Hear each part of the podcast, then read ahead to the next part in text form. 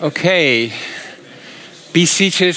Um, welcome, everybody. Tonight we are going to talk about um, implicit bias, which is a term, rather recent term from social psychology, theories of social cognition, referring to automated um, processes, aspects of our uh, uh, prejudiced judgments and behavior. So if you think Hamas is a very nice club, you see acts of resistance and you see, is, you see Israel, Israeli roadblocks blocking the way to freedom. If you don't like Hamas, you see uh, terrorists and you see acts of violence, you see something different. Um, prejudiced behavior, prejudiced judgment, implicit bias is guiding us through our days, and especially guiding us through our politics. Politics is a lot about inclusion and exclusion groups that are in, groups that are out. And if you happen to be out, you are actually not perceived at all, or maybe perceived in a bad light. So implicit bias has a lot to do with perception. Now, art, um, arguably, can change can make us change perspective, which is, by the way, the slogan of this university. Um, and so, can art actually address these prejudices? Can art address this kind of implicit bias? Can it help us make us aware of that we are that which we are normally unaware of? Or maybe is art itself a political act? Is art itself governed by in and out structures?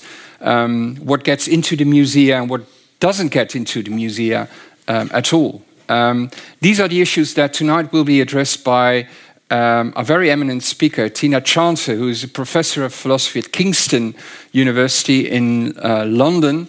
Uh, Tina Chanter has a long career. Uh, she's written numerous articles and books on topics like gender, um, art, uh, tragedy.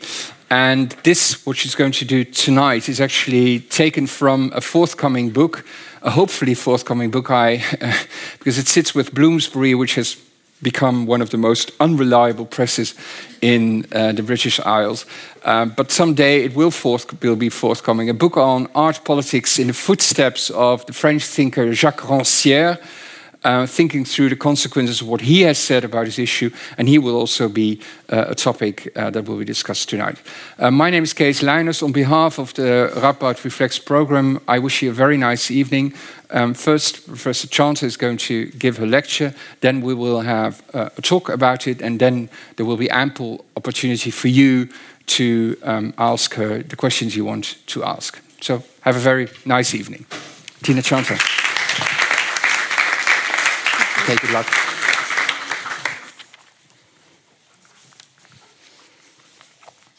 Well, thank you so much for that introduction, and thank you to everybody who has made this visit so far really wonderful. We've had a chance to talk to um, a seminar this afternoon, and some of, I think, some of the members of that seminar are here. So thanks, Chantal, thanks, Paul, thanks, Kees, Um, and um, yeah, so let me begin. Um, so, as Kees said, the, the topic of my talk tonight is implicit bias and um, specifically on art and Rancière. So, the, the first part of the talk is just a, a fairly general discussion of uh, Rancière. Uh, um, and then I will go into some examples of art. And part of the point is to draw inspiration from Rancière, but also to challenge a little bit his framework. So let me begin. Can everyone hear me okay? So, so perception, perceptions acquire a rigidity that comes to light only when they break into pieces, only when they shatter. We just do not realize most of the time how hemmed in we are by them, these ways the world presents itself to us. And then one day, as Chinua Achebe, following William Butler Yeats, puts it, things fall apart. With such dislocations, the knowledge that, as it turns out, this fluff, this cotton wool, this unspecifiable environment, this atmosphere held together comes tumbling down. Who would have known it was so important? This all too vague, ineffable gauze, this finely woven, all but transparent fabric of the world, it glues together the things we think we know. But it is not knowledge itself. It is implicit, assumed, tacitly agreed. It facilitates knowledge. It feeds into the background that allows knowledge to have settled where it is. Malleable but all too susceptible to fixity, having settled into undisturbed grooves along which our thoughts travel, into habits that structure perceptual patterns, into psychic and discursive tics that replay themselves over and over, repeating and refining themselves perhaps, but adhering more or less to the same scenario. There is something important about this fabric of the world, being not quite knowledge, yet having something to do with knowledge. In being misaligned with what it is we think we know, it can turn into a site of resistance to knowledge. What is the difference between falling, sorry, let me start that again. What is the difference between failing to notice a pile of stones in an idyllic landscape and seeing the pile of stones as a roadblock, preventing the access of Palestinians to goods vital to their survival? It is the difference between allowing one's gaze to pass over a pile of stones as an unobtrusive part of the landscape and seeing that pile of stones as preventing people who live on their native land from going to their place of work, from seeing their families, as a roadblock that interferes with their freedom of movement, with their seeing, with their, with their way of life. What is the difference between seeing something and not seeing it?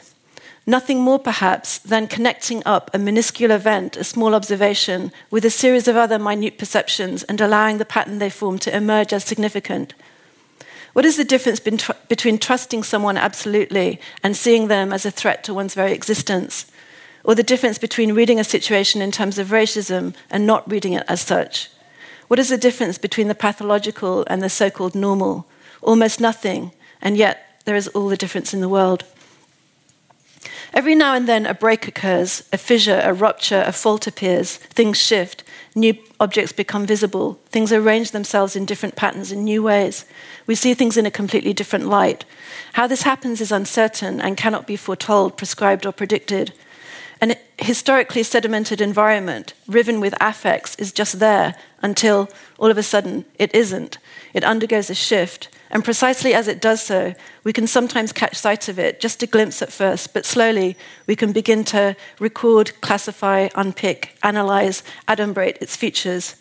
We can begin to put them together in a different way, discard some of them, refigure others, let them fall into new patterns, reimagine them. This might be done more or less consciously, more or less deliberately. With each slight shift, new possibilities can occur, new perspectives can open up as old ones close down. This play back and forth between objects in the world and our conceptual, imaginative, and affective grasping of them is what Immanuel Kant considers in terms of faculties of understanding, judgment, and reason, and the knowledge of nature, the feeling of pleasure or displeasure, and the principles of morality that the faculties provide. We might say this play is what Kant refers to in the Critique of Judgment as cognition in general. To break the habits of perception is to break the patterns of knowledge, to rework the discursive frameworks that make sense of sensory knowledge, and to re- reframe the enunciative possibilities that define and legitimate knowledge as objective. Artists make such interventions, so do political actors. Art and politics are two different ways of redistributing the sensible, as Jacques Rancière puts it. What distinguishes them is that while politics focuses upon the emergence of a new collective subject, the emergence of a new we, art affects new forms of visibility, making available new possibilities for perceiving the world, and in the process, rearranging the conditions of enunciative possibility. For quite a long time now, I've been thinking about how things become visible, while other things remain invisible, about what it takes for something to be seen, and why it eludes visibility, about the way in which politics is shaped by forces that are irreducible to concepts or intellect, about how there is something aesthetic in the broadest sense in this shaping, about how things arrange themselves, present themselves, are noticed or ignored, are read or remain insignificant, how they obtrude or fade into the background to the point of becoming not just negligible, but invisible, unavailable, unseen, non existence, how they do not count, a flick of a switch is all it takes, after which nothing will ever be the same again. And yet, even if it is not the same as before, it too will become habitual. It will come to constitute part of the commonsensical way of saying, seeing things. None of us is immune. I've seen it happen. I've been part of it. I've been assimilated into what Rancière calls the police order. So have you. The police order is how we think, how we make sense of the world, what constitutes itself as common sense. Take feminism, for example. First there was sexism, then there was feminism. Feminism became part of the police order insofar so far as it started policing who could and who could not count as a woman. Then there was the transgender movement. And as feminists, we found ourselves having to rethink why certain body parts had somehow become essential to what it had come to mean to be a woman, and who had the right to determine which body parts qualified, and how some feminism's policing of bodies reflected in highly problematic ways the very order it thought it was trying to escape. How we see things limits or opens up the possibilities for thought and the meanings we attach to what we see. Shifts in perception are bound up with shifts in thinking, shifts in what seems possible or impossible, while changes in the perceptible are not related to changes in the possibility of that which can be thought by causal necessity. There is nonetheless an intricate relationship between, on the one hand, what we see and what we do not see, between visibility and invisibility, between what we hear and do not hear or cannot hear, between the perceptible and the imperceptible, and on the other hand, the significance that assumes salience and legitimacy, circulates as knowledge, becomes sanctioned. There is, in other words, a relationship between what we see, hear, or perceive, more specifically, what it is possible to see, and meanings that become prevalent, accepted, or dominant, and which, as such, constitute, determine, and govern the limits of both perception and understanding. The possibilities of comprehension are circumscribed by implicit political assumptions and, I would add, psychological habits that define the borders of communities and, as such, determine the contours and limits of comprehension. Things arrange themselves according to narratives that take on a certain self evidence, and then they come to appear to us as the way things are, Yet, this very appearance, the very possibility of appearance, is already circumscribed by particular narratives presenting themselves as if they were the truth, as if they had universal purchase, as if there were no point of access from which to question them. Meanings become institutionalized and appear unavoidable. The way the world appears to us conforms to institutionalized institutionalized ways of appearance, the very possibilities of seeing and knowing, of doing and being, are circumscribed in advance, but this circumscription remains unavailable for thematization, insofar as it coincides with what presents itself as the only possible way of seeing. This is what Rancière calls the police order, which presents itself as the natural order. It passes itself as off as the truth, presenting itself simply as given. The effic- efficacy of political or aesthetic dissensus is unpredictable and contingent. It erupts without warning, and when it does so, things begin to line up differently in a new order of the perceptible. They settle into new places, occupy new functions, and the way things line up distributes people in new roles. There is what Rancière calls a redistribution of the sensible. Sometimes art effects a shift in perception. There is no telling when or whether it will do this. There is no causal necessity. There is nothing inherent about the impact a work will have on a viewer or the effect a film will have on a spectator. There is no direct line of transmission from artist to audience, no guarantee that what the author intends is that which the reader will understand. And this is how it should be. Otherwise, the work would be didactic. It would fall into the trap of telling us what to think, and we would become passive recipients of ideas that are communicated to us. The artist would reveal a hidden truth, the artwork would be revelatory, and the spectator would be and would remain an empty vessel ready to be filled with whatever the one who knows the truth intends to communicate. The artist would be the one who knows, and the spectator would be the one who is ignorant, in whom knowledge is deposited, a passive repository, enlightenment would be granted. Were art guaranteed to be completely sex- successful in eliciting certain affects and in motivating certain reactions, it would succeed in its political aspirations precisely to the extent that it, is, that it also succeeded in evacuating its status as art, in no longer being art, but in becoming politics. We can think this through by referring to an example of a work that Rancière thinks risks completely collapsing art into politics, and such that nothing is left of the art except a political message, where art disappears and all that is left is a slogan. Rancière takes a critical distance from artists such as Martha Rosler, whose and this is a quote from Rancière, photomontages accentuate the heterogeneity of elements, end quote. For example, balloons. A work that is part of the series Bringing the War Home, House Beautiful, which, in which Rosler registered her protest against the Vietnam War. Against the background of a serene domestic space, a man holds a dead child in his arms. Rancière says, quote, the image of the dead child could not be integrated into the beautiful exterior without exploding it, end quote. The heterogeneous clash is intended to, quote, reveal the imperialist violence behind the happy display of goods and images, end quote. Rosler's art is intended to, quote, show the spectator what she does not know how to see and make her feel ashamed of what she does not want to see, end quote. Such an artist, as Rancière sees it, adopts what he calls the pedagogical position of the one who knows, one whose art will play a revelatory role in which the artist adopts the position of the expert, whose task it is to enlighten an ignorant viewer in order to mobilize action in the form of a graphic presentation or of a contradiction to underline the hypocrisy of the military industrial complex endemic to capitalism. In doing so, Rancière suggests that Rosler's art loses its identity in serving the unambiguously political, agenda driven message that the capitalist war machine is hypocritical. The question Rancière raises is whether, in making these points, a work of art becomes too didactic to remain a work of art in any meaningful sense, or whether it crosses a definitive line and becomes politics.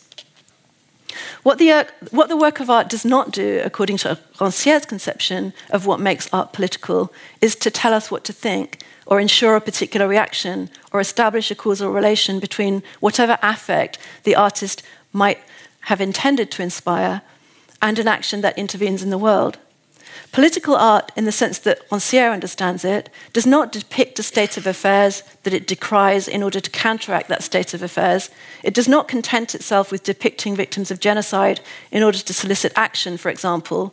If it did so, the artist would be appealing to a straightforward causal relation between whatever the intention behind an artistic representation of a particular state of affairs might be the promotion of certain negative affects in the spectator or viewer, for example, and the translation of those affects into a motivation to act in the world in order to transform the situation represented.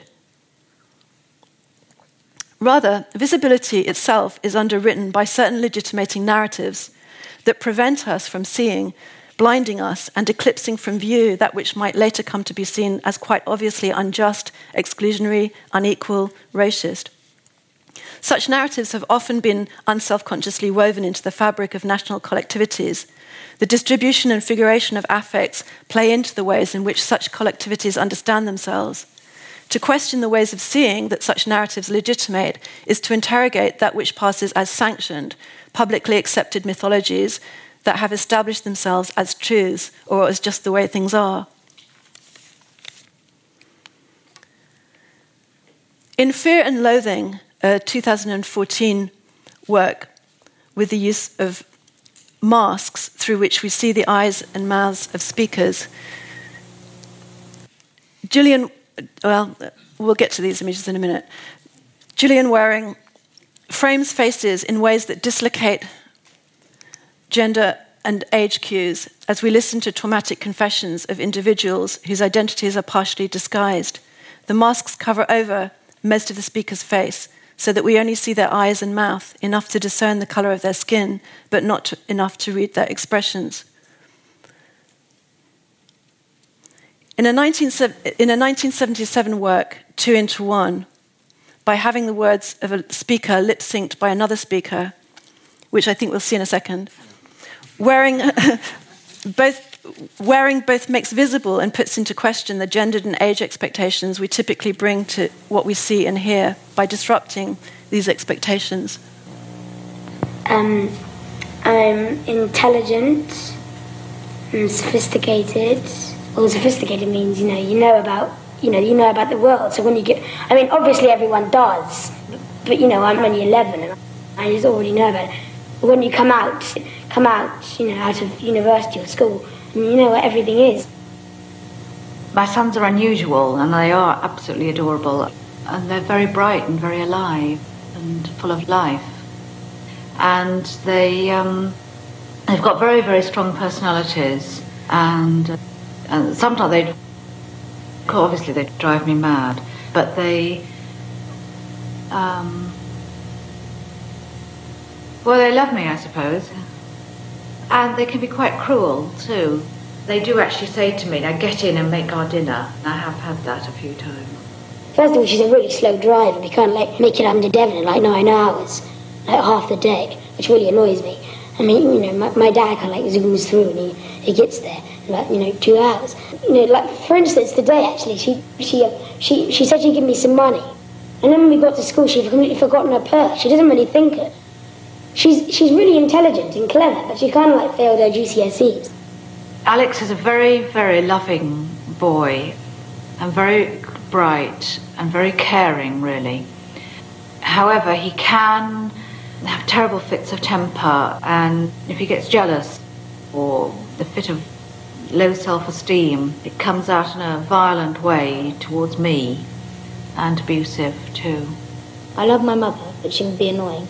She's a loving person. She, I think she cares a lot about, about us, and um, well, she she rouses my dad in a, in two ways. A lot in a lot of ways, my dad's got better, got better, got better, um, better you know, you know, better um, better ways of doing things than her.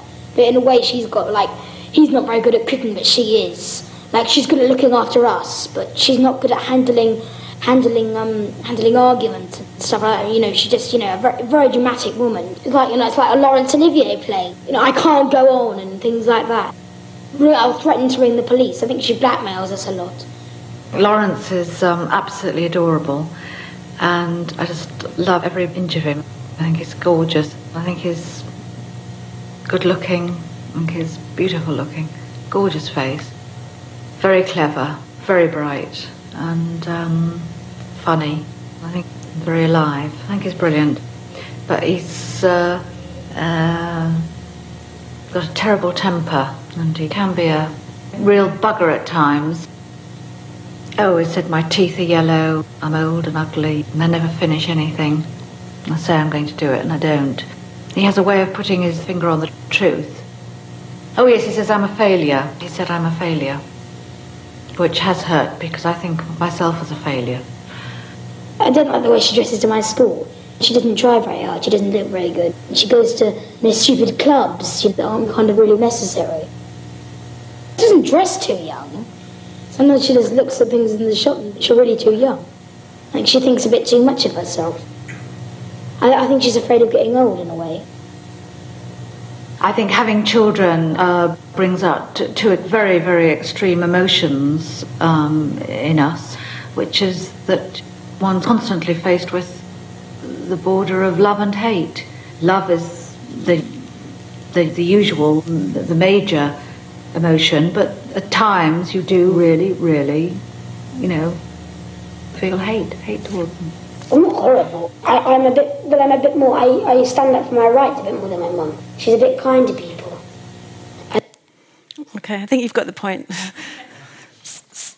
Wearing both makes visible and puts into question the gendered and age expectations we typically bring to what we see and hear by disrupting these expectations. The sighs and repetitions, the tone of a voice, its hesitations are transfigured because of the dislocation of the sentiments and thoughts these voices express from the cultural systems of reference that might normally render them legible and intelligible in relation to particular faces, genders, or ages.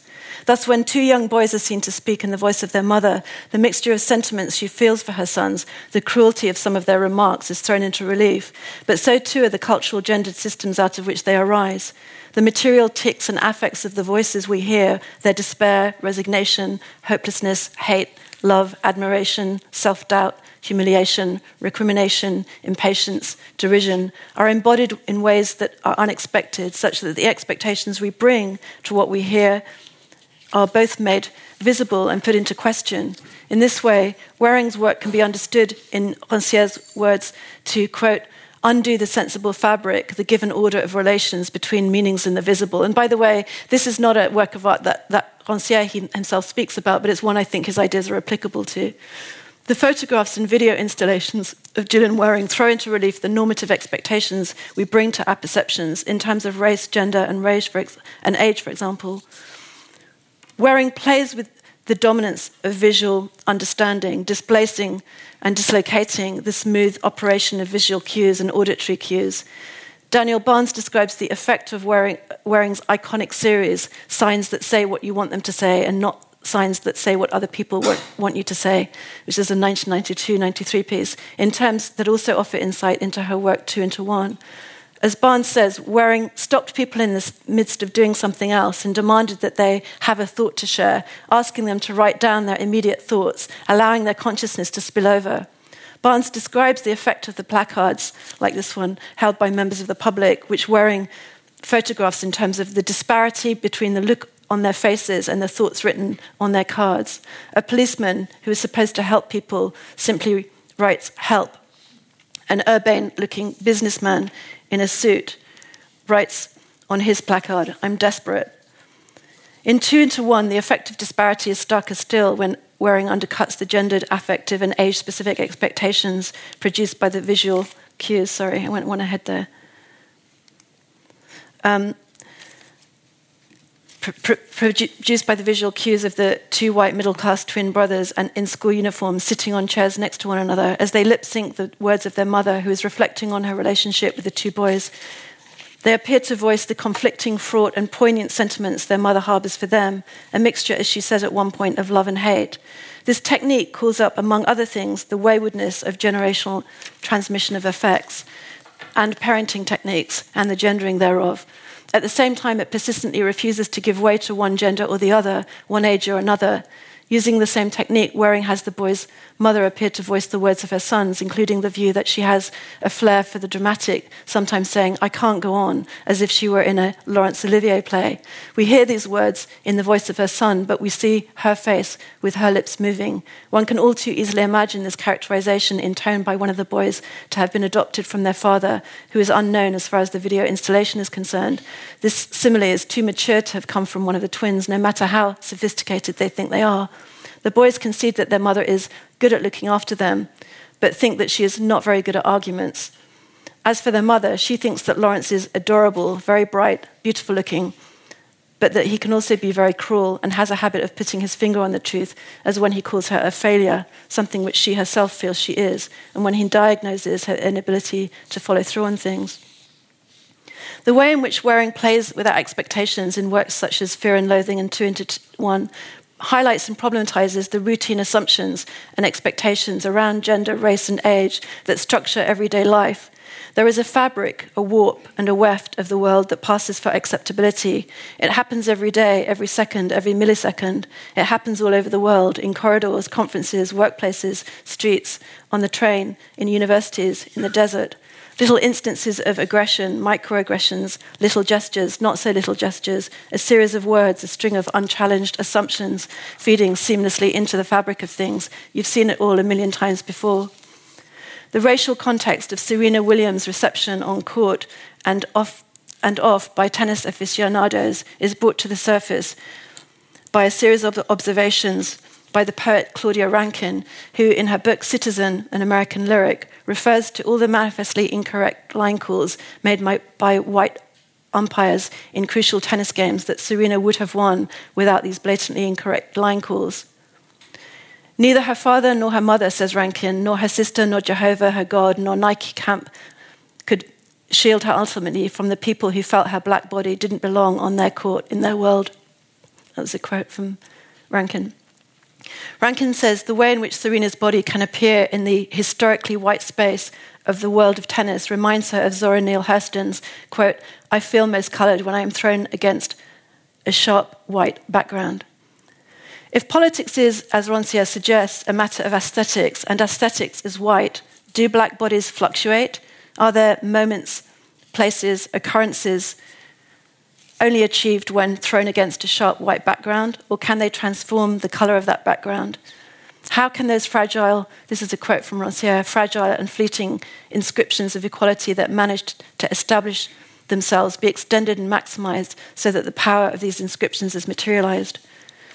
Thinking together Rankine's reflections on what it takes to become a citizen and Rancière's reflections on the distribution of space and time and how it suggests new ways of framing and counting subjects. Let's say that if perception is structured by what Rancière calls the partition of the perceptible that defines the lot of individuals and parties. Such divisions inform what subjects see and hear, what we allow ourselves to feel, how we judge the world, engage ourselves in relation to its reality, its sanity or insanity, our sanity or insanity, how our perceptions and judgments are structured by doubts and disbelief, by blindness and failures.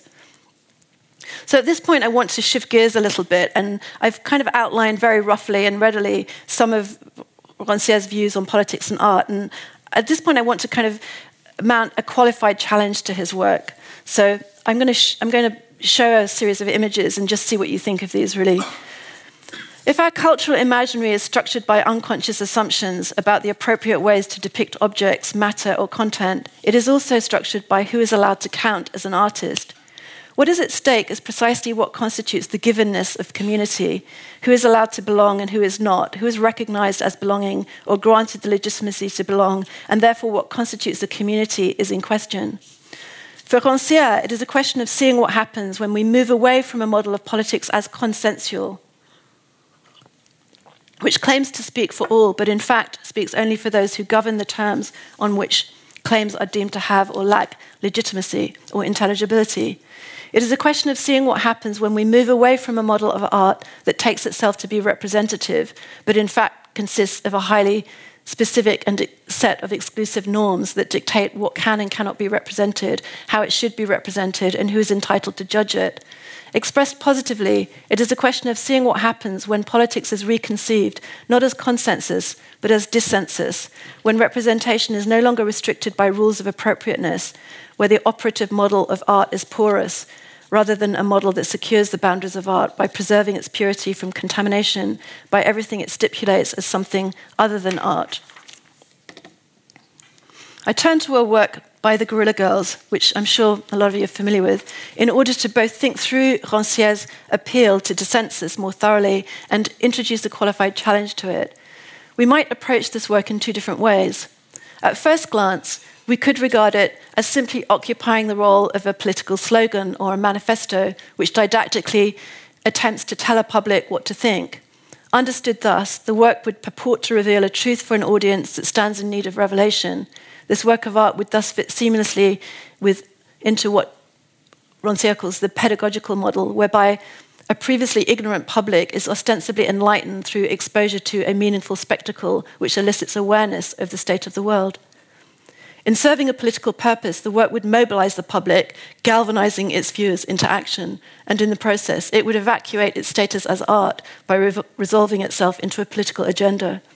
The work of art would position itself so as to provide, quote, forms of awareness or rebellious impulses for politics, end quote. Art would thus, quote, take leave of itself in order to become a form of collective political action. Just as Rosler's work denounces the capitalist war machine as hypocritical, so the guerrilla girls would decry the art establishment as a sexist institution. Inasmuch as much as we take the point of the work to be self evident, such that its political formulae is readily identifiable, its political commentary can be dismissed as largely redundant. If the message of the work of art is so readable as to be completely obvious, not only is the artistic status of the work of art in question, so too is it, its political merit. In fact, since the Guerrilla Girls first produced this work, the number of female artists whose work the art establishment deems worthy of one person shows, as de- documented by a further series of works by the Guerrilla Girls, remains con- consistently low, which suggests that, however obvious the message might be, there is still a need to reiterate it. And this, this actually refers to um, the, um, you know, the Metropolitan Museum in New York, but there's another work that some of you might be familiar with, which just simply says it's worse in Europe. In question for Rancière is not only whether, in making a political point of work of art, Uh, in making a political point, a work of art becomes too didactic to retain its status as a work of art in any meaningful sense, whether it crosses a definitive line and becomes a political statement.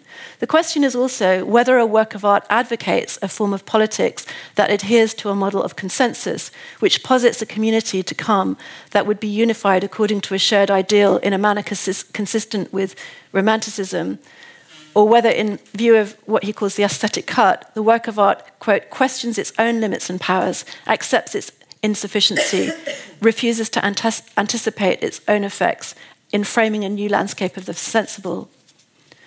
Rather than assimilating this work by the Guerrilla Girls to the pedagogical logic from which Rancière seeks to distance art as dissensus, or critiquing it for its aspiration to leave its status as art in order to become political, or, or become a political slogan that inspires collective action, according to the logic of consensus, let's consider the work from an alternative point of view, which I will refer to for the sake of argument as a work of art. Some might see it as a political poster. It was, after all, commissioned as a billboard.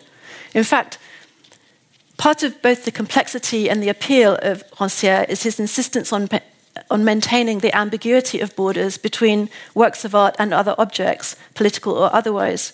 It is, some, it is, of some interest that this particular work concerns itself not only with the art of politics, but also with the politics of art.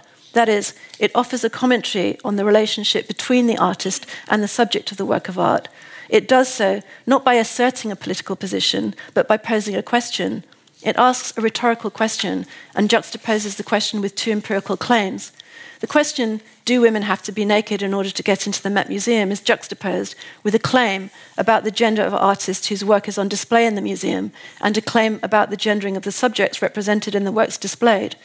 If the number of female artists represented in the modern art section of New York's Metropolitan Museum is less than 5%, and 85% of the nudes represented are female, the implicit conclusion is that the vast majority of works representing naked women are by male artists. If we read the question that is being posed not only in the context of the observations specifying the gender of the majority of artists on display and the subjects they represent, but also against the background of the image of a female body that is foregrounded, we understand that what is being asked is not merely whether there is a relation between the gender of the artists represented in art museums and the subject matter they represent. In question, rather, is how women's bodies are being represented and what purposes their representation serves. In question is whether the only way that women can be granted access to museums is in the form of representations that present women as passive objects of a male gaze. Women then would only enter into museums in the guise of material content for male artists who impose artistic form on the passive matter to which women's bodies have been reduced in representations by men and for a heteronormative masculine symbolic. The active imposition of form on passive matter is a hallmark of the representative regime, for, for Rancière is here explicitly aligned with male subjects, uh, subject artists representing female object bodies. By asking about the gendering of subjects typically displayed in museums and how they are typically represented, we can understand this work as commenting on some of the defining features of what Rancière calls the representative order, the norms that dictate, in Rancière's words, quote, which subjects and forms of expression were deemed worthy of inclusion, or what artistic conventions are appropriate for which subjects. We can see this work as commenting on the fact that the representative order, quote, set those concerned by art apart from those it did not concern, end quote, and as challenging typical assumptions about whose concern art is.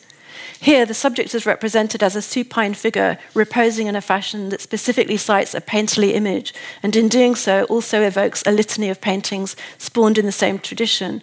Yet the work does not merely cite this painting or mimic this tradition, though it does this, thereby reminding us that our issue here is not whether female nudes should be on display in museums, but how they are displayed and by whom, for whom, for what purposes, with what effects. The question posed is whether one of the effects is to preclude women from being taken seriously as artists or for, from having art as a serious concern. At the same time, this work by the Guerrilla Girls subverts the tradition it playfully cites, replacing a woman's head with a gorilla's head, fusing a female figure with the head of an animal, repeating with a critical edge a trope that has been affected so often before. One thinks of Shakespeare's Taming of the Shrew.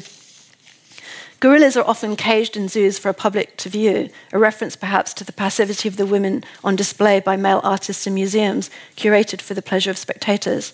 The gorilla head points to the habitual association of women with animals, to the reduction of women's speech to noise, at the same time as it refigures women's alleged wildness as a refusal to be contained within the frame of animality.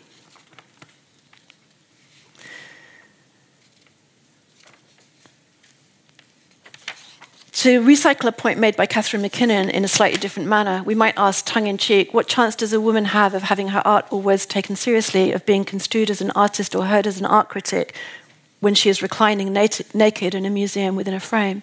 On this occasion, the riposte must be every chance, Far from quelling the speech of the unidentified collective group that goes by the name of Guerrilla Girls, this particular framing of a supine female body graphically represents their speech within the same frame. Their speech spills out beyond the frame, putting into question a history of well rehearsed tropes and conventions that define the appropriate depiction of women's bodies.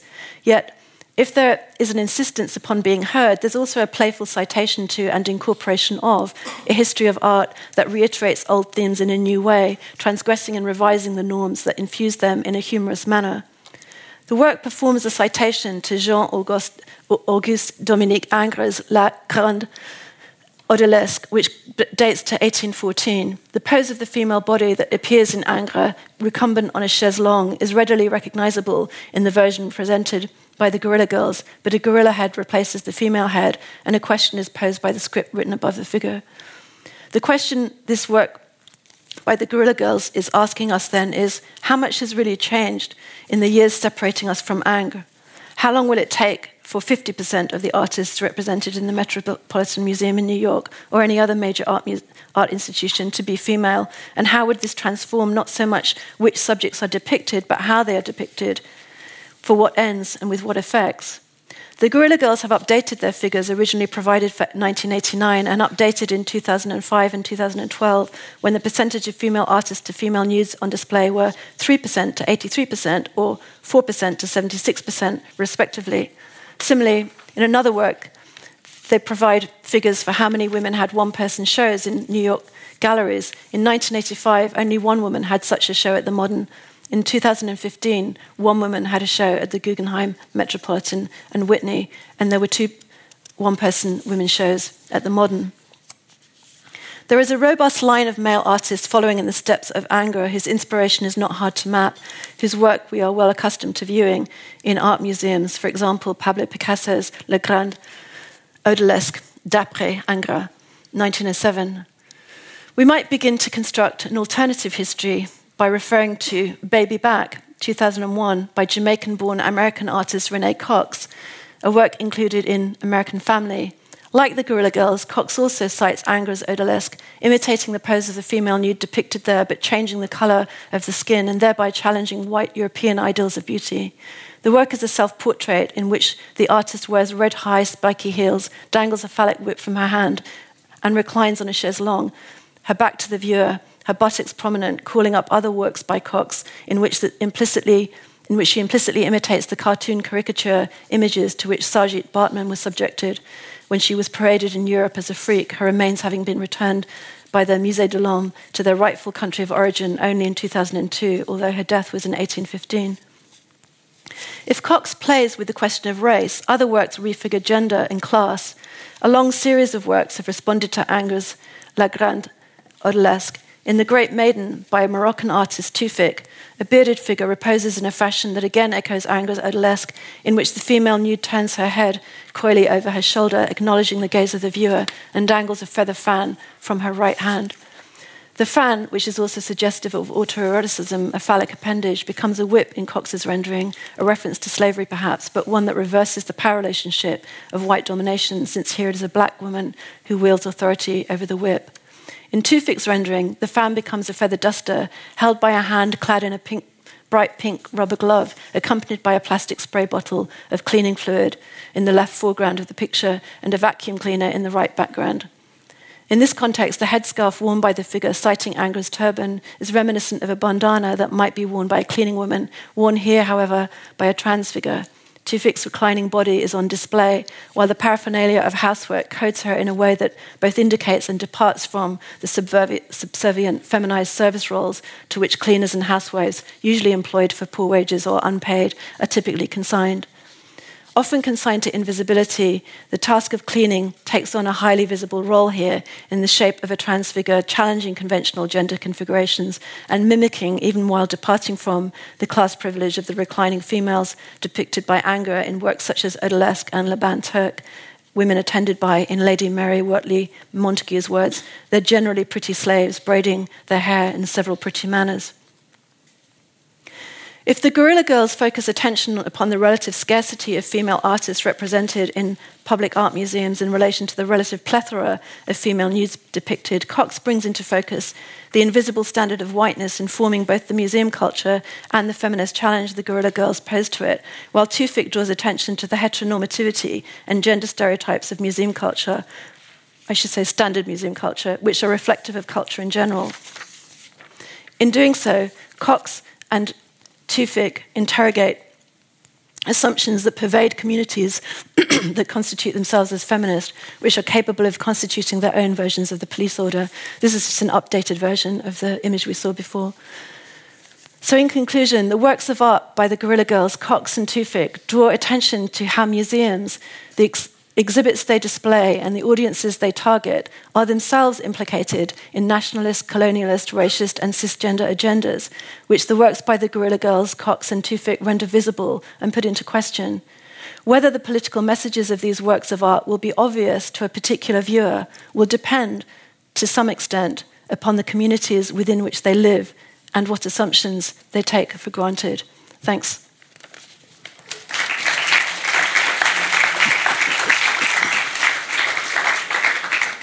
Please.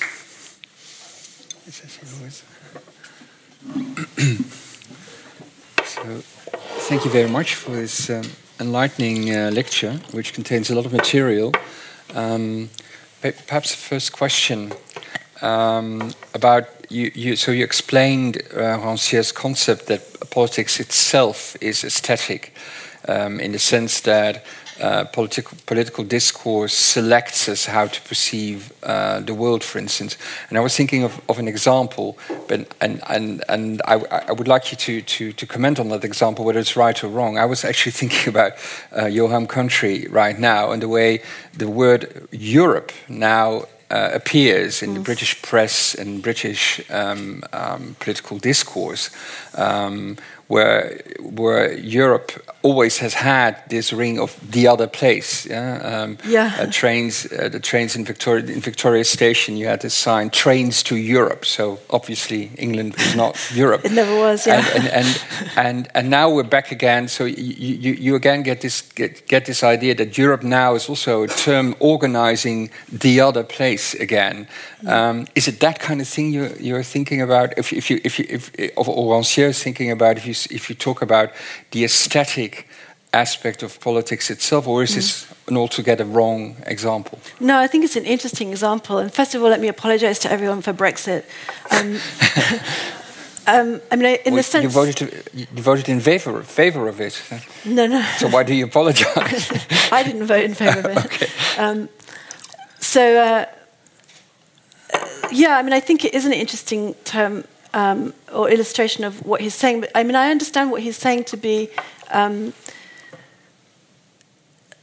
I mean, I use the phrase of redistribution of the sensible, and it, it, for me, um, there is a, obviously you're, you're, indicating a kind of symbolic. Uh, the symbolic role that Europe had for England even mm-hmm. prior to this, mm-hmm. this stage. Yeah. And, and I, I think that, that, yeah, that there's, when he says that politics is aesthetic, on the one hand, he, he's trying to say that um, he's using the term aesthetic in a generalized sense that so so our underst- all our understanding of the world in some sense is aesthetic and we can't divorce our understanding it's not a conceptual understanding it, it well it, it's sometimes conceptual but it's always also mm-hmm. sensible mm-hmm. and and so um, on the one hand he does want to say that politics is, aesthet- is aesthetic on the other hand he wants to as you know divorce this particular sense of dissensus or conflict or interruption that happens in art from the sense of political dissensus. So there's a, there's a kind of interesting, complicated relationship between politics and art where, on the one hand, politics can't help being aesthetic in the sense that we just saw in the video by Gillian Wearing, for example, where we pick up certain visual and auditory cues and we assume that a whole network of associations goes along with them. And when that's disrupted, we become aware of all of those habitual associations that we're not usually aware of. Mm-hmm. We're only aware of them when they're brought into mm-hmm. uh, focus. So, so perhaps, perhaps, that's the sense in which. Um, uh, your example functions well. That it's what Brexit did. It suddenly made it made us very aware of what was always there in the background. Perhaps we weren't quite as aware, aware of it Yeah, uh, so, so, so, in that sense, you would also have to take politics as a very broad term. Yeah. I mean, it, it covers actually all our societal behavior, more or less. Yeah, exactly. I mean, the, whole- the, the whole term politics seem. I mean, we we have the impression that that refers to what they do in Westminster, in our case, in, in The Hague. But it's much more broader term Yeah. in, in his in his case, isn't it? I mean, again, it's complicated because one of the things I think Rancière is trying to do, and I think I mentioned this this afternoon, is that um, he's also trying to redefine politics. So, so politics is usually understood as a matter of consensus that we're trying to get to a state where everybody agrees, perhaps, or we're trying to persuade other people that we're right and they're wrong. Whereas for him, politics is understood as dissensus. And, but the reason why he wants to redefine politics in that way is because he wants to, uh, he, he understands politics to be something that happens only very rarely. And when it happens, it breaks into or, conf- or, or, or breaks up our mm-hmm. habitual common sense understanding of mm-hmm. politics as usual, let's say. So politics for him are those moments, is, you know, what he means by politics are, that, are the moments where politics as normal comes into relief and no longer obtains such a hold over us. So that, I think we have to bear in mind those two different would, senses you, of would you be able to, to give another example of that? So, so the, the political is something different from the daily politics we read about in the news. So, the political is the moment where our view of politics is changed and Yeah. disrupted. Could, could you mention another example? Maybe So, for example, and again, I mentioned these examples this afternoon. Um, someone brought the example of Olympe de Gouges. Um, so, when she argued um, that uh, if women were eligible to be guillotined, they also should be considered to be political actors, then um, she's kind of making a point that uh, women are human too, whereas in a sense they were not considered human. Or another example is Rosa Parks. When Rosa Parks stays on the bus and refuses to move, she disrupts a whole order which says Yeah. blacks are inferior to whites. Yeah. And in doing so, she stages a kind of uh, uh, dissensus. She, she, she breaks with the common sense view. It's the existing order Yeah, also. exactly, yeah. And, and, and so the, it's the break of the existing political order that's actually political and not, Exactly. and not the daily politics that just goes on and Right. people being chosen or not and, Right. and, and, and that, that kind of thing. But, but still, um, I, I'm, I'm, I'm, I'm still sort of wrestling with the aesthetical, the aesthetical. Because, let, let's take Rosa Parks. Um, so that clearly is a deed, and it's a very, very important act she does. She breaks with this habit, and she exposes the fact that that um, actually against leg- legislation in the United States at that at that point, people are excluded from the bus, and that there is this whole categorizing of you are in and you are out, literally out of Yeah. the bus and in in the bus. So, so again, what is the aesthetical part of that? What is the aesthetical character of that? Well, well, and again, we mentioned this this afternoon. One of the things that's interesting about Rosa Parks is that she was a very deliberate, uh, strategic choice for the civil rights Yeah. movement in America. She was an older woman, uh, a black woman, someone who you wouldn't necessarily expect, someone who went to church, someone you wouldn't necessarily expect Yeah. to be a political rebel. Yeah. And it was precisely for those reasons that she was chosen. So f- one could say that a lot of aesthetic. Uh, Thinking went into why this person, why why not Yeah, some yeah. young So the appearance man. of yeah, it, the yeah. appearance and the way that that appearance is read and all of the significations that went along with those uh, attributes that she had made her the perfect figure in some way Mm-hmm. because precisely because nobody would expect someone like that to Mm-hmm. make a stand and say I'm sitting on this bus even though uh, you have banned me from doing so and legally I'm Mm-hmm. transgressing the law. So that yeah Yeah, and, and, and the other thing I was wondering about, if you think about rhetoric, so the old um, alliance, let's say, between politics and rhetoric, politicians need not, it's maybe not always a good idea that they actually tell the truth. We don't always expect them to do that. What, what we do know is that they try to persuade us and they Yeah. use rhetorical means for doing that. So all these, all metaphor, I mean, good politicians are usually good at inventing good metaphors that mm. everyone's sort of Yeah. appealing. Is, would you call that aesthetic as well? Because that is part of daily politics that's going on. Yeah, and I think that's a great example. Yeah, that, that there's constant politics is constantly played out in the arena of, of But but, that, but then you don't have this moment of rupture because politi- politicians are doing this all the time, don't they? right. But I mean, Rancière, there's always a certain distribution of the sensible, and that mm-hmm. distribution of the sensible is always riven with politics and aesthetics. But then there are moments that cut into that, that break yeah. it up, and that's when politics or art can redistribute the sensible mm-hmm. or intervene, interrupt, mm-hmm. make us see things in a not make us see things in a different way. Because I think one of the things I tried to bring out is that. Um, whether or not politics is affected is kind of a contingent affair. It might happen, it might not. There are many protests that didn't actually turn into politically, politically significant no. moments, but then there are other moments, like Rosa Parks, where um, things did actually begin to change as a result of the staging of a certain yeah. protest. Yeah. So, um, whether or not that happens, perhaps is as much a matter of aesthetics as it is politics. Whether it, whether you whether that moment gets taken up and seizes the public imagination and uh, makes a, a, a, momentous change mm-hmm. is as much a matter of uh, whether people see it or don't see it as it is mm-hmm. mm-hmm. a matter of politics as usual, mm-hmm. perhaps. And I was also thinking, is there is there sort of a development in in, in, in this? Because um, um, th- so is this relation between politics and aesthetics, let's say, an eternal one, one one that's always going on? Uh, perhaps was already the case in, in uh, well, especially in Rome, I think, with the emperors being depicted in a certain way and that kind of stuff. But is it also changing? I, I, was thinking of social media. So, you know, there's an attack in, in Paris and everyone changes Facebook you know, um, um, uh, picture into in the French um, uh, flag and, and, and, that kind of thing. Mm. So it seems to be that, that, I have the impression that if you look at politics now, this symbolic, aesthetic uh, moment is, is rapidly growing rather than mm. declining. Would you, would you agree with that?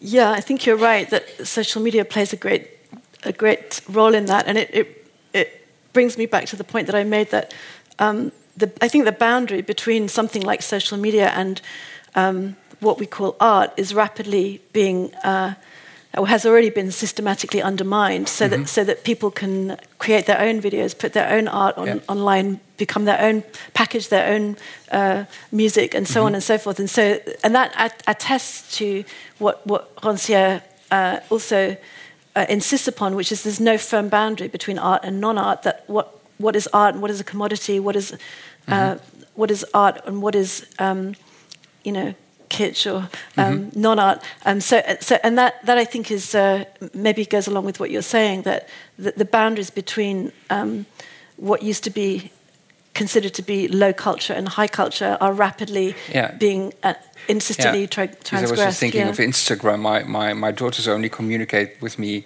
through Instagram. They send me these yeah. pictures, and I'm I'm supposed to understand what it means, and then I'm not particularly part of this sort of subculture. So I think, yeah, nice picture, but I, I don't yeah. get the message. But I, I, was thinking of some of the pictures you showed. I mean, it's not that much of a difference between the pictures they sent me and the, these pictures these artists which, somehow. Which pictures do you think? Well, well, well. For which for instance, um, well, the, the Ingres, the Ingres thing. You yeah. have this whole montage thing, but yeah. you can do that with Instagram Absolutely, as well. Yeah. So I, I, I, I so, so, this is exactly to confirm your point that this boundary seems to be shifting, but the question is, I think, how to evaluate this. Rancière seems to sort of be bothered about this, and you you seem to I'm be not, less. I'm not sure he's. I wouldn't. I wouldn't say he's bothered, but I think I think that's actually part of his. Uh, the way I understand him is that, that that's actually um, I mean, he's, he's reacting against the kind of purists of the critical theory, Adorno and so yeah. on, but who did want to say, no, yes. there's a boundary between, there's yeah. commodities and then there's art. Yeah. yeah. yeah. And, and Rancière is,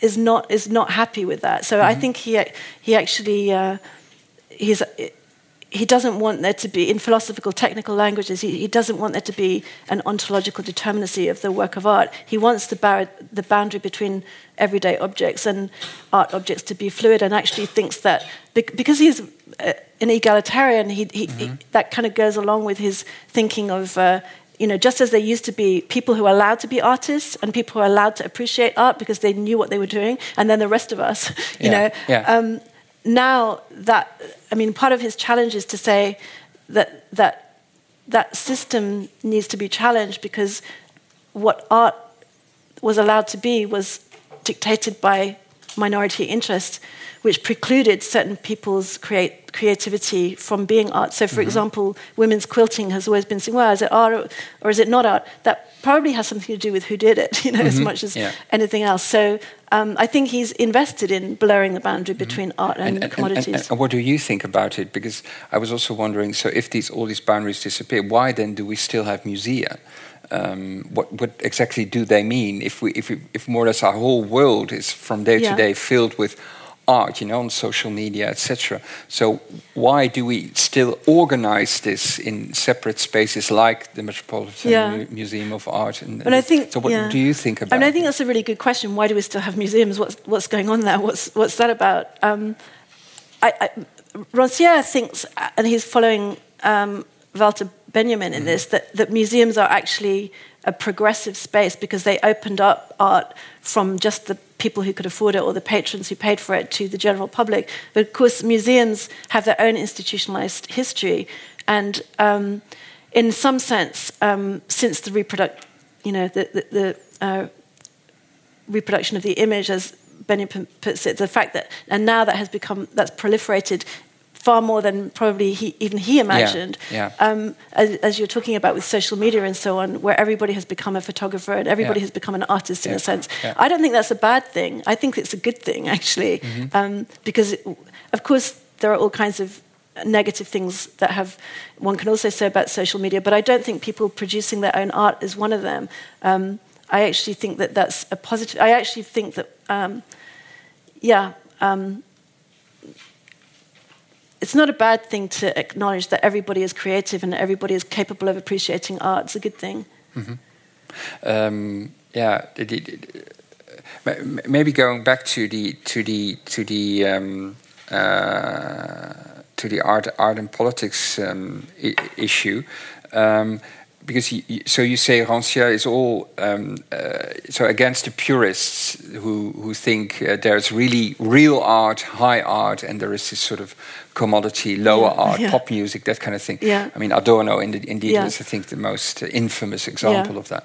Um, so there's a kind of de- democ- democracy of art, more or less. But on the other hand, so you, you, I, I, you refer to this. Uh, so you, you, you had you had these two pictures, but you were illustrating the point of Rancière.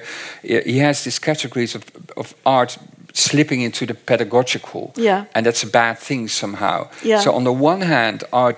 You know, everyone is an artist, and it's all very well, it's all democratic. But on the other hand, he seems to have a normative idea of this is really good art and this isn't, because the, Viet- the Vietnam picture is wrong because Yeah. it's just a political message. How Yeah. can you combine these two? Yeah, you're right. It's a bit of a contradiction, and that's precisely one of the contradictions that I was trying to push him on a little bit Yeah. by saying, actually, you know, if you show um, a particular one particular audience is going to react differently. Mm-hmm. Yeah. If, a, if an audience constitutes itself under the sign of feminism, the likelihood of them being um, surprised or shocked rather than bored and thinking it's old hat when you show them a Guerrilla Girl's image is. Um, uh, enhanced. Yeah. If if I sh- if I was to show the Tufik image in at a transgender conference, everybody would go, "Oh yeah, that's blasé," Yeah, yeah, and perhaps it wouldn't play so Yeah. in that way in another environment. So part of what I was trying to point out was actually different audiences. Um, constitute themselves differently, and therefore, what might seem obvious to one audience and what might play as a pedagogical argument for one audience is not necessarily going to play in the same way Yeah, for another yeah. audience. So I think you're absolutely right. So there's no There's a- inherent normativity No, in, in these. So you can't inherently say this is pedagogical. It depends on who you are, where you are, and who is looking at it. I so would say that, that's so. your point. Yeah. Because I, I, I didn't think it was over, overly pedagogical, but it's probably also with hindsight because you know the Vietnam War is more or less a long time ago, and if you Yeah. and I th- I thought the picture, I mean the, the effect it creates between you know the, the, the front where you have this this terrible picture of this man with his Right. child, and the back, there there is something is, I mean. Strangely aesthetic about it, so I, I, I I didn't experience it pedagogical at all. So Yeah. I, I might be the wrong audience in Yeah. your term, but Yeah, no, I think that that's that's right. That uh, it, there are moments when he when he tends to assume, you know, no matter how much he wants to disrupt the idea of consensus, there are moments when he tends to assume the position of we. We all think this is certain a Yeah. certain way, but in fact. Um, there's a prob- there's a there's there's a problem with him assuming a kind of we, Mm-hmm. which um, maybe uh, needs to be challenged a little bit. So yeah, I agree with you. Yeah. And and then so in in the last part of your of your paper you talk about um, uh, let's say the politics of art, so the the the the organization of art itself and the prejudice or the implicit bias that's actually pervading the system. Again, you know the picture of the guer- guerrilla girls. Yeah. You need to be naked as a Yeah. woman to get into the Metropolitan Metropolitan Museum. I, I, I th- there I, I was also thinking um, uh, again about high art versus versus low art. There's there's something strange going on there because if you talk about the democratization of art and the fact that everything ca- can be art- artistic, then there are these musea which are the real you know the the places where it's you know art as it as it really Yeah. is happens. And, and the funny thing is that there it seems to be really a, an elite thing, you know, an elite thing in the sense that there's a, a white um, male elite. Um, in this country, I think there, there are like five museum directors that decide what modern art is. yeah. So isn't that a really strange sort of paradox in a, in a way? Yeah, it's, I mean, and it's part of the paradox that I think again, um, Rancière needs to be pushed on a little bit. But of course, one also has to add that there are different kinds of museums. So, for example, if one goes to the National um, Women's Museum in Washington D.C., one is likely to come across both different paintings and a different Yeah. viewing Yeah. Um, and so, what kind of museum, what kind of institution we're talking about has to be factored in here as well. But there is a sense in which Rancière tends to talk about the museum as this egalitarian, democratizing space, when in fact, and he does acknowledge that um, maybe there was a moment where that's, that's the role that the museum played, but now it's retrenched into a almost uh, not the set, n- not perhaps as elite as art used to be, but certainly into a position where um, certain people still feel excluded from the art world because they don't feel it's their province. Um, so yeah, there's a, it's a complicated uh, yeah space. So, so, but so again, you get you get uh, let's say a battle against prejudice and against unacknowledged um, um, elements in, in selecting, literally selecting who is in and who is out in museums. So women Right. are out if as long as they wear clothes, and they're in Yeah. if they don't, and if they're depicted Yeah. without without clothes. And and and w- would you say did, did I understand you correctly if you say that the guerrilla girls?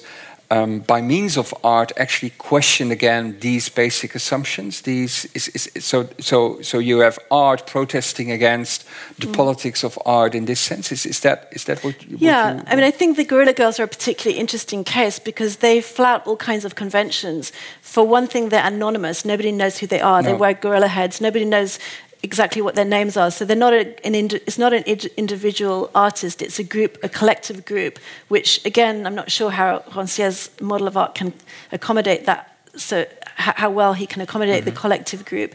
Um, they also use humor. They're, I mean, they're making a serious point, but they're doing it in a funny way that everybody can understand, and that I think is is um, effective, and it, it allows people to see what they're doing and hear what they're saying, perhaps in a less confrontational way than it otherwise would be the case. So I think that they're they're crossing all kinds of genres and boundaries, and uh, and at the same time, yes, saying drawing attention to the fact that. Um, if the museum curators were a different gender, a different race, a different class, things might be different, and that these who who who rises to fame and becomes um, the, the artist of our time.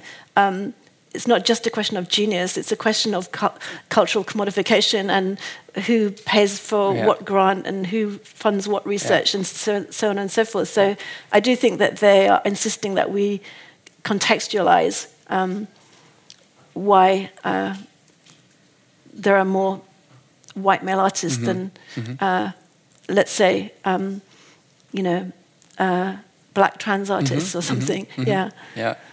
I, and uh, an, an, another example, when I was looking at Guerrilla Girls, I, I, I suddenly realized that it might be that the, the Pussy Riot in, in Russia. Yeah. I, I see. I see also in the in the symbols they use there might be some sort of connection. That I'm not Absolutely, sure. yeah. But but uh, so the act of Pussy Riot, you, you go into this, you know, this this actually hideous cathedral in, in Moscow with all its um, uh, gold and, and, and diamonds and so on, and, and so you, you stage this punk concert on the altar more or less, and you get arrested and you, you are being sent to uh, Siberia. Is that an artistic act? Is that a political act? Is it both? What? How how would you see that? I mean, I think I think it's hard to categorize, and that, that's exactly why it's interesting in some ways. Yeah. Um, yeah um,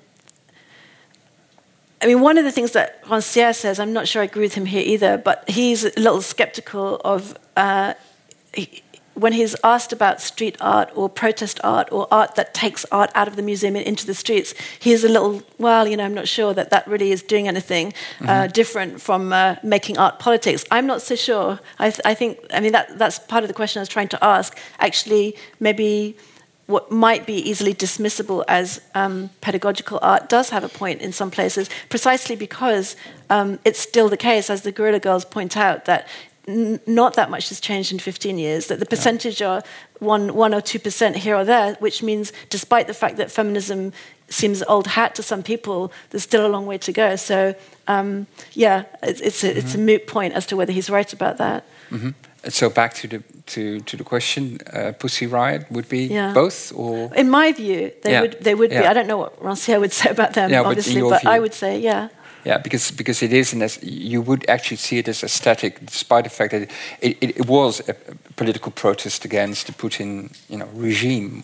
But it's all, but the Pussy Riot are also staging themselves in very particular aestheticized yeah. ways, yeah. wearing clothes or not wearing clothes, yeah. for example. So that's that's Masks. an aesthetic decision. Yeah. So so I, I, think for me it is it is what. It's hard to categorize as either politics or art, and that's part of the point, maybe that yeah. needs to be challenged on. That it's either politics or, or and he does acknowledge it in some registers, just not in others. Yeah. So um, maybe he's undermining his own point in some ways. Yeah. So, th- and, and, that's also where you depart from yeah. his, his, standpoint. Is, is is that also the point you're developing in your in your book? So I'm trying to, yeah. so going uh, uh, beyond this this uh, Rancière's uh, categorization, more or less. Yeah. I mean, I one of the one of the examples I use is the the Guerrilla Girls as a mm-hmm. way of saying and I, admire him very much. I think he's a great thinker, and he really has profoundly changed the way I think about art and politics. But not every thinker can get everything right, and I think that maybe I think there are some things that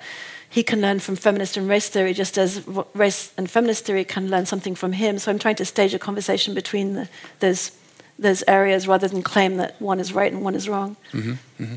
And, and, and, and so, what is, what, is it, what is the driving interest for you in, in, in this book? Is it, is it the fact that, eh, I mean, about art and politics, is it, let, us say, let, let, let, me ask it in a bit, bit, of a strange question, but is it a political point you're making? Is it an aesthetic point you're making? So, what, what, what, is, your, what, is, what is driving you in asking this question? What is, what is behind it? I mean, I think that I find Rancière's way of posing the relationship between politics and art uh, very intriguing and important and interesting because uh, precisely because he is flying in the face of a long tradition of aesthetics, of aesthetics that has tended to want to uh, immunize itself from politics, and he has he shows decisively how one cannot really do that because the whole history of aesthetics is bound up with political decisions, whether those decisions have been foregrounded or not. It's the case that they have been implicitly there. So whether it's Aristotle or Plato or Kant or Hegel or any other person who's talked about the question of beauty or the question of aesthetics, there's a way in which those thinkers are heavily implicated in political agendas, but even if they disavow being so. So I find it refreshing that he um, puts the question of politics and aesthetics up front and um, interrogates the relationship between the two of them in a nuanced way. Mm-hmm. And at the same time, is not afraid. I mean, he does use examples of the feminist struggle in, the, in his political mm-hmm. philosophy, even though he doesn't really, I think, carry that through to his aesthetics. Um, and in that way, he's quite progressive compared to a lot of French male intellectuals yeah. around at the moment. So, you know, that's refreshing. yeah, yeah. Okay, I think it's time to move to you, actually, to uh, the audience. Um, any questions you uh, might have? Uh, the rules are quite simple. Um, raise your hand and wait for the microphone being brought to you. Speak into the microphone clearly and try to ask short questions. um, preferably. Otherwise, I might have to interrupt you. Um, uh, so, on these conditions, who is going to be the first to ask um, a question? Yeah, yeah. First of all, thank you very much. Um, what I was wondering about, because it touches upon uh, everyone being able to create art, uh, dealing with implicit biases and with politics, is memes and what you think, what role memes in our daily life, social life, and art actually have, also as a political tool. So if you don't know what memes are, they're basically a picture of some sort mm. and a text, um, normally with a humorous or political message. Okay, thank you for the explanation of memes. I did actually have some idea of what they were. Um, um, yeah, I mean, I think that's a great example, actually, of, um, of something which is hard to categorize. But I, I think there's an increasing role for, uh, and uh, I mean, any kind of graphic representation, actually, cartoons, comics, memes, because not only is it a democratizing impulse, but it's also, um, and here I'm probably departing from Rancière again, but I, I think that um, I mean, there's an interesting uh, organization called Y Comics in, um, uh, based in London where they've kind of started to um, address a lot of political issues worldwide, kind of on the, on the model of something like uh, Maus or the Art Spiegelman. Uh, comic strip about the Holocaust, and and I think it's a really interesting way of uh, approach, which yeah, it's, again, it's hard to categorize. Is it politics or is it art or is it both? I think it's probably both. Um, so um, yeah, I think I think uh, I'm all in favor, of it, basically. Mm-hmm. Okay, next one. Yeah, thanks for your talk. Um, I had a question about uh, anonymity in art because you mentioned that you found the Guerrilla Girls uh, particularly interesting because they don't really reveal themselves and sort of ride on this wave of, okay, I'm this and that person dealing with these and that implicit biases. Yeah. Um, how can we transfer this idea of conveying an anonymous message to the public into politics? Because in the end, people don't vote for ideas, they vote for other people. Hmm. Yeah. Um, I'm not sure, actually. uh, I have to think about that one. How can we translate into, into politics? Can you say a little bit more about what you mean by translating it into politics? Yeah. Yes. So, for example, if I were to run for office, yeah. it would be very, very hard. Depend like, suppose I were to run for office here in the Netherlands. I'm not a native in the Netherlands. I look different from the Western European standard, and people would project all of that onto me running for office. Um, on the other hand, other groups might see themselves finally represented in somebody who looked like me or carried themselves a certain way. So I am never free of the implicit biases that come with people looking at me as a person. However, my ideas could be. And I'm really interested in how art or even other tools that we can use as potential politicians can free us from these implicit biases and help the public focus more on the messages that we actually try to get across and the ideas we have for progress uh, than rather than focusing on our personality. Mm -hmm. So taking for example the uh, last US election, uh, Hillary was scrutinized so much as a person mm. that in the end, even though most people who support these ideas that she was yeah, vocalizing, they could not bear like voting for her as a person, and that sort of seemed to weigh more heavily. Even though I don't think that that's what politics should be about. So my question was: Is there, or do you see ways to sort of work around that with art as a political tool? Okay, thanks. Yeah, I mean, I think it's a really interesting point. Um, I'm, I'm, I suppose I'm wondering whether or not we should uh, trans, transfer the Guerrilla Girls tactic into politics, or whether we shouldn't rather be working to break down the um, prejudices that make people um, look at someone with a different skin color differently. I mean, maybe maybe that's that's the way we should be working at it. So I, I don't have an easy answer for you or an easy response to, for you, but um, I do think there are interesting ways in which. Uh, this is happening. Perhaps it's easier for this to happen in art than it is to happen in politics. Is, is the simplest thing to say to you. Um, but I have to think about the question more. Well, I, I, was actually thinking yeah, because if you, if you see if you say that for Rancière there is a difference uh, between politics and art, uh, where politics tries to create this new we and, Yeah. and art is much more geared towards this disruptive element and making us change. And, and there I was, I was thinking, so the new we is, is us as, as individuals. Yeah, so we, we can't be yeah, that's a good anonymous, and the person comes, always comes, and the prejudice that are against you, whatever, however you look or, or who you are, come actually with, with it. And so, so in that sense, I think there, I think you have a point where, where, where Rancière might be right that there is a difference, that there's a boundary between art and, and politics, and you can't just transfer this Guerrilla Girls thing, Yeah. which then is really art, into into politics in the in in, in the sense of uh, Rancière, because Yeah. you can't create a we if there's not a person. I Yeah. think you you can identify. Is Yeah, that's a good point. I think one of the reasons I'm struggling with your question is because for Rancière, and this again is one of the points where I probably want to depart from him somewhat, he's very skeptical of what he calls identity politics. And whereas I think, you know, a naive identity politics is problematic and has been problematic, I don't think that that means that um, race, class, gender don't matter, because they do matter and they do figure into, whether we like it or not, how people are seen and, you know, um, how, they how, how they are trying to break out of being seen in a certain way. Um, so, so for him, um, he is insistent on the notion that the person who, cr- who creates political dissensus does so not by speaking for an identity. So he wouldn't see Rosa Parks as speaking for a race. He would see her as speaking for what he calls the anonym.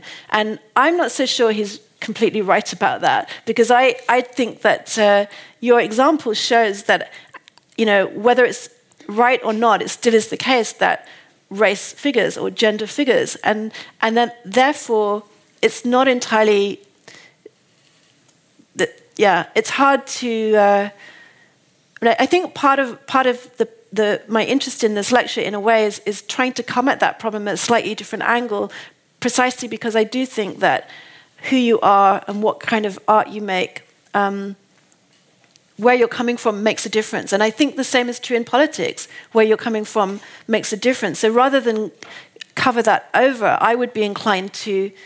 Um,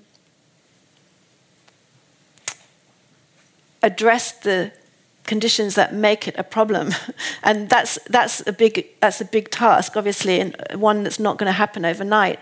But that that's as best I, I can do in responding to your question right now. Okay. Next question. Yeah. Thank you. Hello, thank you. Um, I was wondering why he says that uh, a, a p- pedagogical, or what do you say? Yeah, pedagogical. Yeah. Yeah, why is that a problem to uh, to, to his? Well, I think it's a problem for, for him for a number of reasons. One of which is that he wants to disrupt the assumption that um, the artist is the one who knows and the audience is therefore ignorant. His idea is that actually audiences are thinking people and active, not passive, and therefore um, they don't, they're not just empty containers to be filled up with knowledge that they don't yet know. That, that the art critic or the art viewer has a critical pa- capacity and shouldn't be seen as um, simply to, you know, waiting to be enlightened by some expert uh, artist. Go ahead. Uh, yeah, because I was wondering if it's disruptive, then it's something new. So there's something to be learned right there. right? So If, sorry, if what's disrupt, disruptive? His art, uh, his it, the art. If the artist does something, uh, it makes art. It's dis, it, it's it's politics. It's disruptive. It's aesthetics. But it's something new. Why can't there be something to be learned from it? Why is it difficult? Yeah. Yeah, I mean, I think I see what you mean. I think I, I think that it's not so much that he doesn't think there's nothing to be learned from art. It's it's more the the the the, the pedagogical model as um, I know everything. I'm going to tell you everything because you don't know anything. So he, he because he's an egalitarian thinker in a radical way, and he he wants to assume that everybody is capable of being intelligent. It's just that some people haven't been allowed the space to express their views or to follow through their thoughts or given the time to pursue their creative activities or whatever it might be. So that he, his, he's always trying to intervene into what he sees as a distribution of us versus them. Um, and one of the ways in which he's trying to do that is by uh, disrupting what he sees as a kind of false dichotomy between the artist as the one who knows um, and the, the, public as an empty vessel, vessel waiting to be filled. Does that make sense? Yeah. yeah. Who's first? Yeah. You get two microphones. Oh.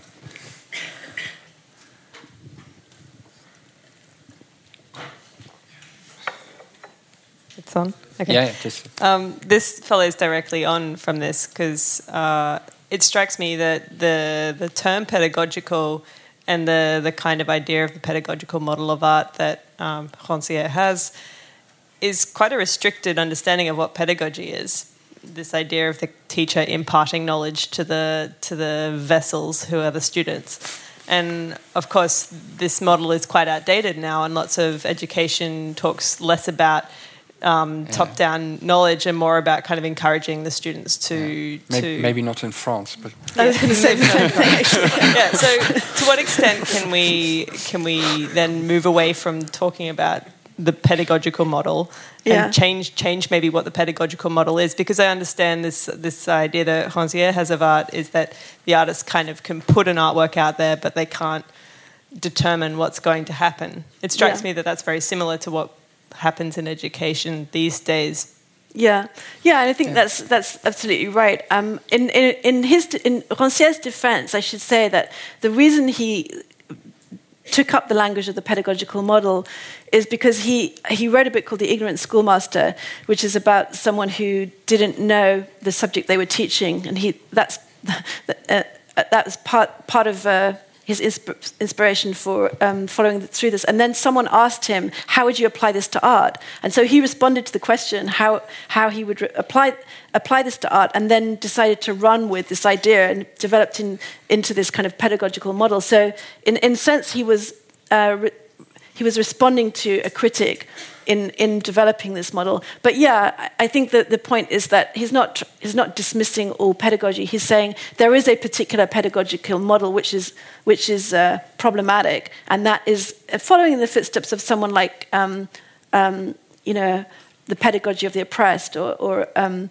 other, I mean, other people have made the same, the similar point, like the banking system, that we're not just deposits for knowledge, we're actually active, critical individuals and have, that have our own way of thinking about things. So yeah, there's a history to why he developed that that particular language. Um, but I do think that it has some, some resonance in the context that we've been talking about, where you know. Um, Picasso, for example, is seen as a genius who can enlighten us, and we go to the museum to be enlightened. So I don't think it's entirely moribund. I do think it has a point to it.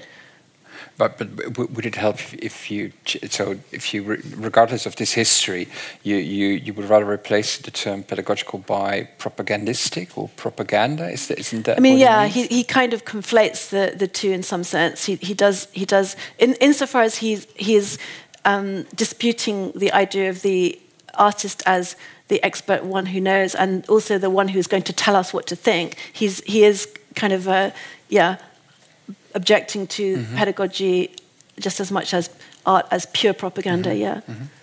Okay. Thank you. Yeah. Behind.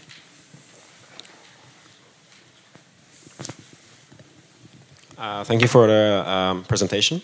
Um, yeah, um, Rancière, if I understood it correctly, uh, made this distinction um, between yeah what yeah, perhaps low art and high art, or not art and art. And if I understood it correctly, then you try, try to dissolve this concept uh, that there's this this border is not present. Um, then I want to ask um, because that's that's a topic that actually uh, appears in lots of different places. That there were like old stage models or difference models that uh, something that you have a definition for and uh, later in modern society i don't know something comes up and says okay that's that's actually there's no definition. That's something fluid. That's something bigger and so on. And uh, also there was like uh, this discussion that okay perhaps art doesn't belong in museums anymore because art is kind of everything. And also that memes are art. Um, what is art then? If it's if it's can it be defined at all, or is it um, everything? Or, or does yeah does it make uh, does the word art make sense if it's everything? If it's so kinda? fluid. Mm. Yeah. Well, first of all, I just want to say that Rancière wants to question the, the distinction between low art and high art, and I'm, I agree with him on that. And um, it's not, I mean, he, he definitely does want to say that art is a contestable category. It's not a watertight, essentialized category. And that I think has been proven by the history of art itself. If one thinks of something like um, Marcel Duchamp's The Fountain, where he puts, you know, the point of the ready-made was to put a, a urinal into a museum and call it a fountain, and it becomes art. Or, you know, um, when someone puts a pile of bricks in the Tate and it becomes art. So I think I think art itself has already begun to make that move where there's no def definitive category of objects over here which are not art, and then other objects over here which are art, but rather that boundary is a fungible boundary. It's a flexible, fluid boundary already. Um, so, from my point of view, I'm not sure, and you know, it's also true that historically speaking, what what is art for us has not always been art for everybody. So, for example, um, we were talking this afternoon about Heidegger and Hegel, who make the point that um, the, the, a Greek temple for the Greeks was a religious uh, building, but for us it becomes art precisely because it loses its religious resonance. So it's not a new idea to say that um, art is a historically defined category. And what I think Rancière is adding to that more decisively than perhaps others have before him is that it's also a highly politicized category. It's, it, he's bringing out the political resonances of what makes art a historically defined category. So art um, for us um, might be different from uh, what art was considered to be hundreds or thousands of years ago. It might be different culturally speaking as well. And I personally don't think that's a, a problem, which is not to say uh, that, yeah, I'll just leave it at that. mm-hmm. Yeah, that's a good point. Maybe time for one final question? No? Then I think we leave it at uh, that. Um, thank you very much for, for the lecture and for your conversation. Warm applause for Tina Chanter. Thank you.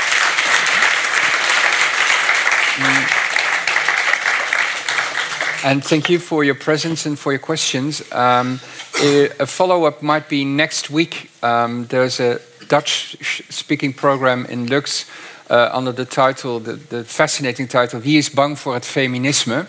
Um, which is uh, half a play, half a discussion on feminism um, next week in Lux in uh, the city center. On behalf of Radboud Reflects, safe journey home and thank you very much for your presence here. Thank you.